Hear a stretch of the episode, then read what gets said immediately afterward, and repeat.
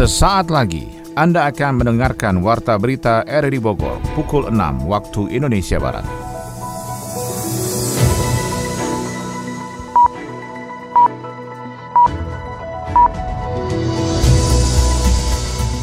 Selamat pagi dan salam jumpa. Kami kembali hadir dalam Warta Berita RRI Bogor edisi pagi ini, Rabu 3 Maret 2021. Siaran ini bisa juga Anda dengarkan melalui audio streaming di aplikasi RRI Play pada smartphone Anda dan juga bisa Anda dengarkan lewat Radio Tegar Beriman Kabupaten Bogor, Jawa Barat. Berikut kami sampaikan berita utama. Fungsi pengawasan terhadap barang subsidi khususnya energi yaitu BBM dan gas menjadi hal penting dalam menjamin pengawasan ketersediaan dan distribusi kepada pengguna. IT nozzle atau digitalisasi nozzle yang sudah dilaksanakan oleh Pertamina di 5000 518 SPBU ini baru sampai tahapan ATG dan edisi. Kebijakan relaksasi PPNBM terhadap kendaraan bermotor diharapkan mampu mendorong minat beli konsumen dan menggeliatkan kembali sektor ekonomi dan bisnis. Kemungkinan kalau udah harga udah keluar kita mungkin banyak penjualan kebaikannya masalah PPNBM. Pemerintah Kabupaten Bogor akan menerapkan kawasan bisnis terpadu di Cibinong Raya. Posisinya ada di bawah RT RW, artinya pendetailan dari RT RW. Bersama Bersama saya Maulana Isnarto, inilah Warta Berita RRI Bogor selengkapnya.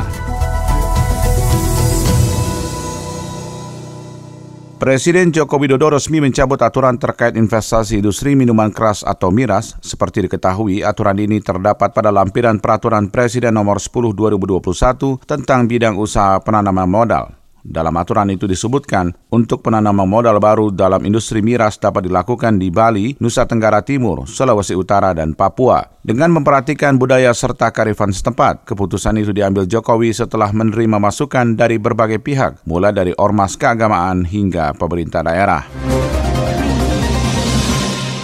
Fungsi pengawasan terhadap barang subsidi khususnya energi yakni BBM dan gas menjadi hal penting dalam menjamin pengawasan ketersediaan dan distribusi kepada pengguna. Laporan disampaikan Yofri Haryadi. Fungsi pengawasan terhadap barang subsidi khususnya energi yakni BBM dan gas menjadi hal penting dalam menjamin pengawasan ketersediaan dan pendistribusiannya kepada pengguna. Untuk itu diperlukan sebuah data besar dalam satu server yang terintegrasi terhadap kebijakan dan aturan yang diterbitkan yang tujuannya adalah menciptakan keseragaman harga produk migas serta pengawasan kegiatan penyaluran BBM di 8.202 lembaga penyalur dan 192 terminal BBM di seluruh Indonesia. Hal tersebut dilakukan melalui kesepakatan kerjasama Badan Penyalur Hilir Minyak dan Gas Bumi, BPH Migas, dan PT Telkom di salah satu hotel di Kota Bogor selasa pagi. Pada kesempatan tersebut, Kepala BPH Migas RI M. Fansrullah Asa mengutarakan pentingnya data besar yang dimiliki BPH Migas untuk dapat mengukur evaluasi dan capaian kerja lembaga negara tersebut kepada masyarakat. Serahkan kepada Telkom untuk mengelola ya bagaimana uh, pusat data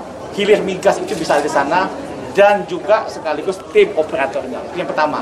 Yang kedua, kami sampaikan tadi bahwa IT nozzle atau digitalisasi nozzle yang sudah dilaksanakan oleh Pertamina di 5.518 SPBU ini baru sampai tahapan ATG dan edisi. Ini belum optimal bagi BPM Migas untuk menjadi pengawasan BBM sub di mana total dananya menggunakan APBN itu bisa mencapai 25 T setahun. Dari data yang terintegrasi itu pun BPH Migas tidak sulit melakukan tugas rutinnya, di antaranya terkait pengawasan, penugasan, lelang ruas transmisi, penetapan tarif pengangkutan gas bumi melalui pipa hingga penetapan harga gas bumi untuk rumah tangga. BPH Migas menjamin harga konsumsi gas pipa rumah tangga di bawah harga LPG 3 kg bersubsidi. Dari sisi PT Telkom yang diwakili Direktur Enterprise and Business Service Edi Wicara meliputi tiga hal, yakni digital connectivity, digital platform, dan digital service. Hal terperincinya akan disusun secepatnya setelah kesepakatan kerjasama dilakukan? Kalau yang saat ini kita rencanakan tentunya sesuai dengan kebutuhan yang ada dari BPH Migas tadi dengan tiga scope of work tentunya kita ngambil apa namanya nilai yang paling optimal kalau angkanya sampai sekarang belum belum ditentukan karena tadi scope of work-nya akan kita detailkan tim nanti setelah MOU ini. Pengembangan gas bumi melalui atensi BPH Migas dalam pengembangan sumber energi berkelanjutan dan ramah lingkungan. Pada kesempatan yang sama, BPH juga mengajak dunia usaha termasuk BUMD di tingkat kota, kabupaten, dan provinsi se-Indonesia menjadi mitra dalam pengelolaan gas pipa rumah tangga yang dijamin menguntungkan. Kebijakan relaksasi PPNBM terhadap kendaraan bermotor diharapkan mampu mendorong minat beli konsumen dan menggeliatkan kembali sektor ekonomi dan bisnis. Adi Fajar Nugraha melaporkan. Selama masa pandemi COVID-19, sektor usaha di bidang otomotif mengalami dampak yang signifikan. Di Kota Bogor, geliat penjualan kendaraan mobil baru pun mengalami penurunan yang drastis. Irma, salah seorang sales manager dealer mobil pabrikan Jepang di wilayah Jalan Pajajaran Kota Bogor mengungkapkan, selama masa pandemi penjualan mobil sangat lesu, bahkan menurun lebih dari 50%. Hal itu diakibatkan karena minat konsumen yang menurun dan banyak dari mereka yang cenderung menunggu pemberlakuan relaksasi PPNBM dari pemerintah. Kalau buat bulan-bulan kemarin itu mungkin kita sempat ngedrop penjualannya. Iya lebih dari 50, biasanya itu saya juga jual 4, 5, sekarang paling cuma 2 karena kan banyak di hold gitu. Kebijakan relaksasi PPNBM untuk beberapa mobil baru telah dikeluarkan pemerintah per 1 Maret 2021. Irma berharap kebijakan itu akan membawa dampak besar terhadap peningkatan minat beli konsumen terhadap kendaraan mobil baru. Ia optimis penjualan di tahun ini meningkat hingga 80% dengan dukungan penghapusan PPNBM oleh pemerintah. Kalau buat keuntungan sih mas kita mungkin belum ketahuan banget sekarang kan mungkin emang baru realnya itu kan baru per kemarin sore ya harganya kan karena harganya itu kemarin itu masih sempat belum masih abu-abu abu lah gitu istilahnya mas ya kemungkinan kalau udah harga udah keluar kita mungkin banyak penjualan kebaikan nanya masalah PPNBM gitu sepertinya sih mungkin baik keuntungan kalau ada PPNBM mungkin ya sekitar 80-an kali mas ya Pemerintah telah mengatur tentang syarat pemberian relaksasi PPNBM bagi kendaraan roda 4 seperti kapasitas mesin di bawah atau sama dengan 1500 cc dan komponen lokal produksi dalam negerinya paling sedikit 70%. Adanya kebijakan relaksasi PPNBM menjadi salah satu upaya pemerintah dalam program pemulihan ekonomi nasional. Selama tiga bulan ke depan, PPNBM mobil yang masuk dalam kategori dipotong 100% oleh negara, ini membuat harga jualnya ke masyarakat menjadi lebih murah. Sesuai tujuan ya, Neng? Ini, Neng, silakan helmnya. Iya, Mas. Jalan sekarang ya, Mas? Loh, Neng, kok helmnya nggak dipakai sih? Pakai dulu dong. Gak usah, Mas. Deket ini. Lampu merah, belok kiri sampai deh. Deket atau jauh pakai aja, Neng. Demi keselamatan berkendara kok. Belum lagi ntar ada razia loh. Di sini mah nggak ada polisi. Jarang ada razia juga kok. Tuh kan, Neng. Baru juga kita omongin, ada polisi tuh. Oh, iya ada polisi. Iya, iya, iya, saya pakai helmnya. Tolong Pak, kelengkapan surat-suratnya. Aduh, jangan tunggu kejadian dulu baru dilakukan, agar kamu tidak menyesal kemudian. Gunakan helm dan utamakan keselamatan saat berkendara.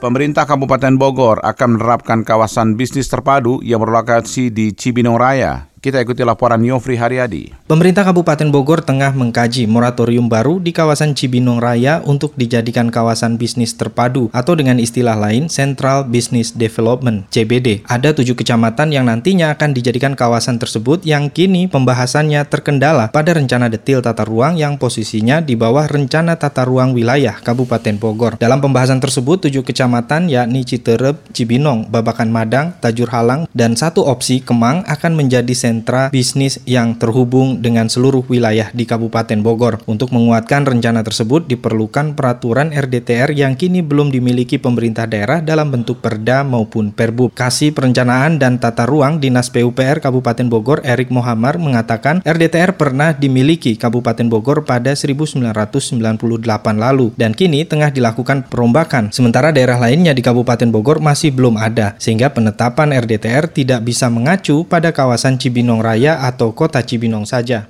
DTR dulu kita sudah punya, tapi tidak semua wilayah ya. Jadi dulu pernah tahun 98 DTR Cibinong ada kita pakai. Nah sesudah dari situ memang belum ada lagi kita. Jadi revisi DTR-nya belum ditetapkan lah jadi peraturan. Posisinya ada di bawah RTRW, artinya pendetailan dari RTRW, Rencana Tata Ruang Wilayah. Nah memang harus ada. Di tengah pesatnya pembangunan dan kemudahan perizinan dengan sistem online single submission submission, Kabupaten Bogor perlu memiliki peraturan RDTR, baik berupa Perda maupun Perbub. Saat ini Cibinong tertutup untuk izin perumahan, sementara di luar 7 kecamatan dari 40 kecamatan lainnya tidak diatur dengan aturan yang lebih detail, yang berimbas pada perizinan usaha dan sentra komersial yang tidak sesuai dengan peruntukannya. Kita dapat bantuan teknis dari kementerian untuk tahun kemarin ya. Jadi itu yang sedang kita dorong untuk ditetapkan jadi peraturan bupati yang pertama. Kemudian yang lainnya menyusul. Katakanlah percontohan ini ya untuk dapat menetapkan DDTR. Kabupaten Bogor mendorong wilayahnya untuk dijadikan percontohan bagi daerah lain sebagai daerah yang menerapkan rencana detil tata ruang di wilayah tingkat 2 di Indonesia. Sehingga acuan perizinan online yang diterbitkan akan mengacu pada kearifan lokal dan rencana strategis daerah dalam penataan kawasannya.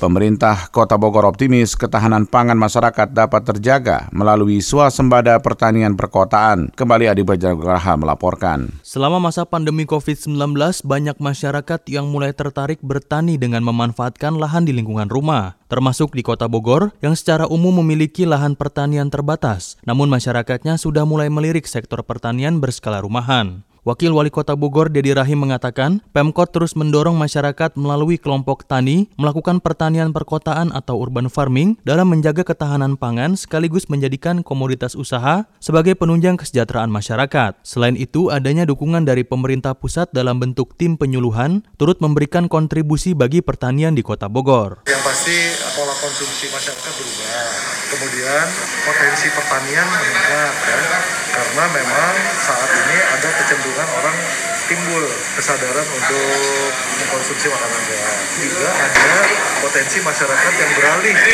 dari bidang pekerjaan yang sebelumnya konvensional ya, perkantoran, akhirnya sekarang menggeluti juga usaha-usaha pertanian.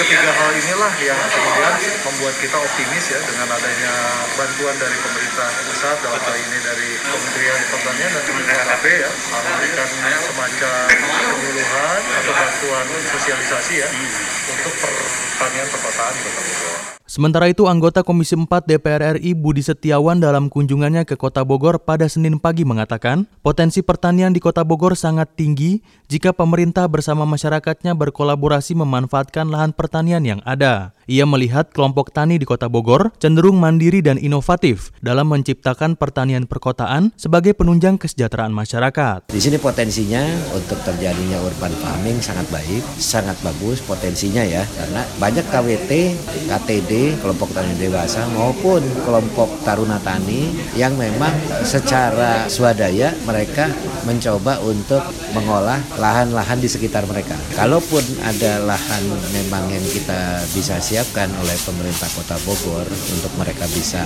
garap itu sangat lebih baik lagi. Potensinya ada bagus. Adanya sinergitas antara pemerintah pusat dan daerah menjadikan sektor pertanian di Kota Bogor semakin maju dan berkembang. Selain itu, harapannya juga sektor pertanian dapat menciptakan lapangan pekerjaan baru bagi masyarakat sehingga angka kemiskinan dapat ditekan. Sementara itu, program ganjil genap Kota Bogor berhenti untuk sementara. Bagaimana kondisi selengkapnya? Kita akan ikuti laporan Sony Agung Saputra.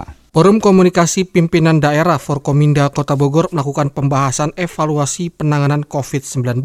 Berdasarkan hasil rapat keputusan Forkominda, maka program ganjil genap kendaraan bermotor pada akhir pekan berakhir sementara. Wali Kota Bogor Bima Arya menjelaskan saat ini angka COVID-19 cenderung menurun seiring adanya kepatuhan masyarakat terhadap protokol kesehatan. Kita lihat ini tidak saja dampak dari vaksin yang mungkin sudah mulai bekerja, tetapi juga dampak berbagai macam kebijakan kita dari Satgas dan Forkopimda seperti PPKM Mikro, kemudian juga ganjil genap. Karena itu, karena langkah-langkah kita ini selalu terukur berdasarkan data-data, maka kami dua minggu ke depan meniadakan ganjil genap sambil kita evaluasi. Karena kita ingin rem dan gas ini dilakukan tepat sesuai dengan data-data tadi. Jadi ada sedikit relaksasi ke depan juga mendorong ekonomi.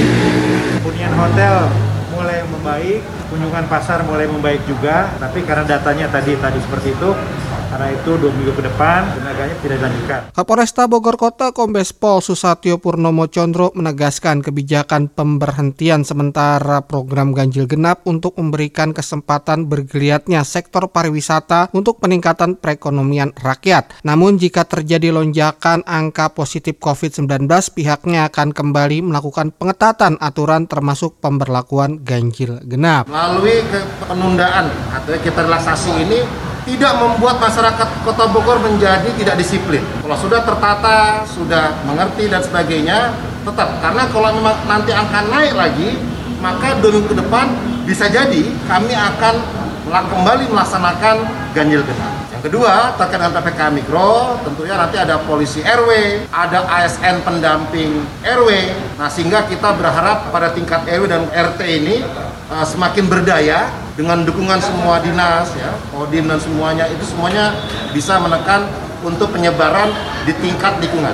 Kepatuhan terhadap prokes harus tetap ada meski adanya penghentian sementara pengetatan PPKM sehingga upaya memutus penyebaran pandemi COVID-19 bisa efektif. Puluhan rumah di Kecamatan Lubiliang, Kabupaten Bogor, porak-poranda akibat diterjang angin puting beliung.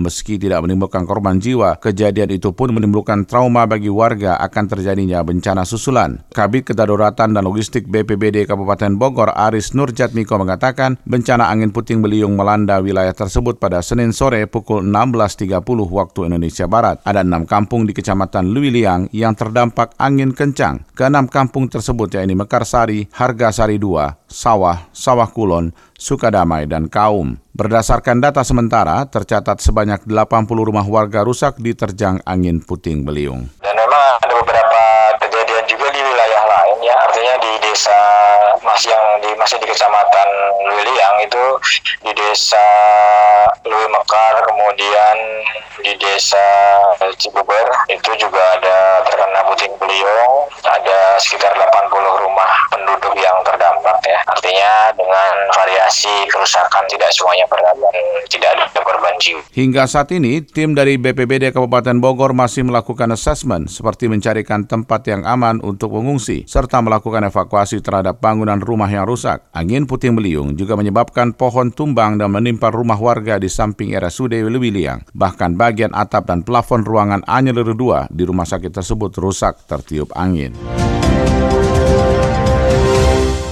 Berikut kami sampaikan berita ekonomi yang selengkapnya akan disampaikan Kriswanto. Genap setahun pandemi COVID-19 menyerang, Indonesia masih belum keluar dari jurang resesi. Setelah setahun wabah tersebut ada, total kasus positif COVID-19 di Indonesia mencapai sekitar 1,3 juta kasus. Menurut ekonom Indef, Bima Yudhistira, Indonesia tampaknya masih sulit keluar dari jurang resesi. Dengan masih rendahnya aktivitas ekonomi, tekanan pada daya beli masyarakat, penurunan kembali PMI manufaktur dari 52,2 pada Januari 2021 menjadi 50,9 di bulan Februari 2021. Maka Indonesia sepertinya masih akan mengalami resesi ekonomi yang berkepanjangan. Sejak COVID-19 mewabah di Indonesia, ekonomi terus berada di zona negatif. Di kuartal 2 tahun 2020, ekonomi Indonesia langsung terjun hingga minus 5,32 persen. Di kuartal ketiga 2020, mulai terjadi perbaikan menjadi minus 3,49 persen. Di kuartal 4 2020 pun membaik menjadi minus 2,19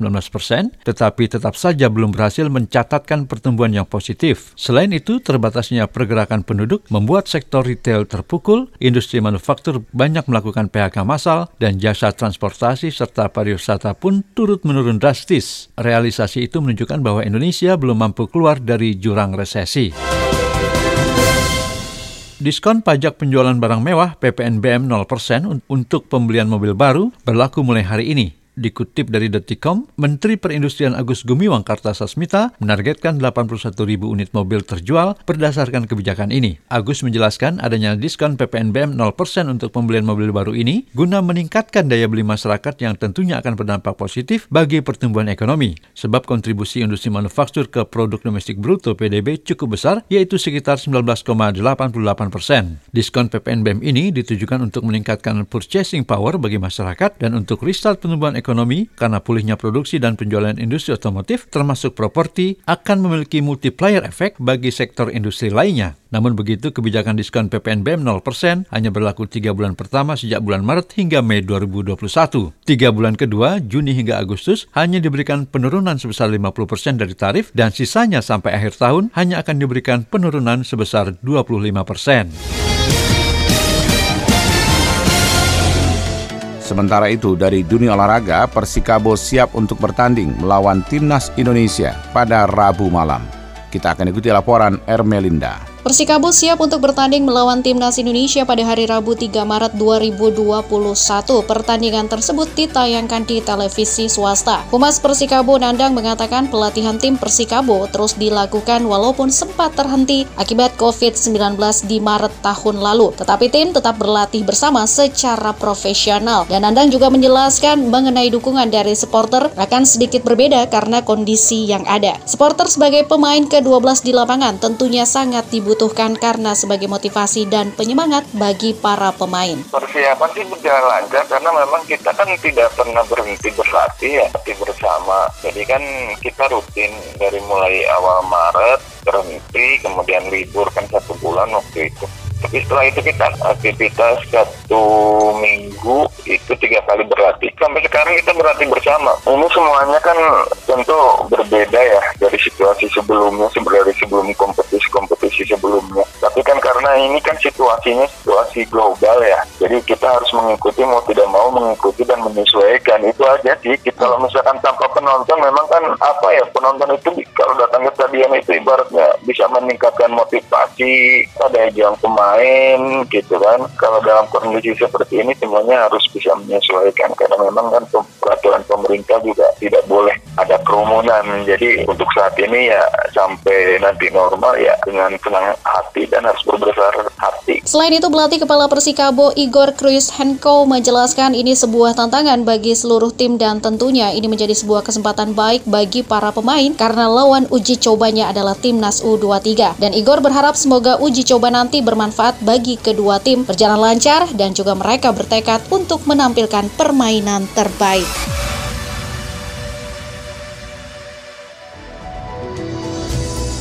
Demikian rangkaian informasi yang dapat kami sampaikan pagi ini. Kami akan sampaikan kembali berita utama sebelum kami mengakhiri Warta Berita RRI Bogor pagi ini. Fungsi pengawasan terhadap barang subsidi khususnya energi yakni BBM dan gas menjadi hal penting dalam menjamin pengawasan ketersediaan dan distribusi kepada pengguna. Kebijakan relaksasi PPNBM terhadap kendaraan bermotor diharapkan dapat mendorong minat beli konsumen dan menggeliatkan kembali sektor ekonomi dan bisnis. Pemerintah Kabupaten Bogor akan menerapkan kawasan bisnis terpadu di Cibinong Raya. Siaran ini bisa Anda dengarkan kembali melalui podcast kami di Spotify, Anchor, Podtail, dan Google Podcast. Mewakili kerabat kerja bertugas, saya Melani Starta mengucapkan terima kasih atas perhatian Anda. Selamat pagi dan sampai jumpa.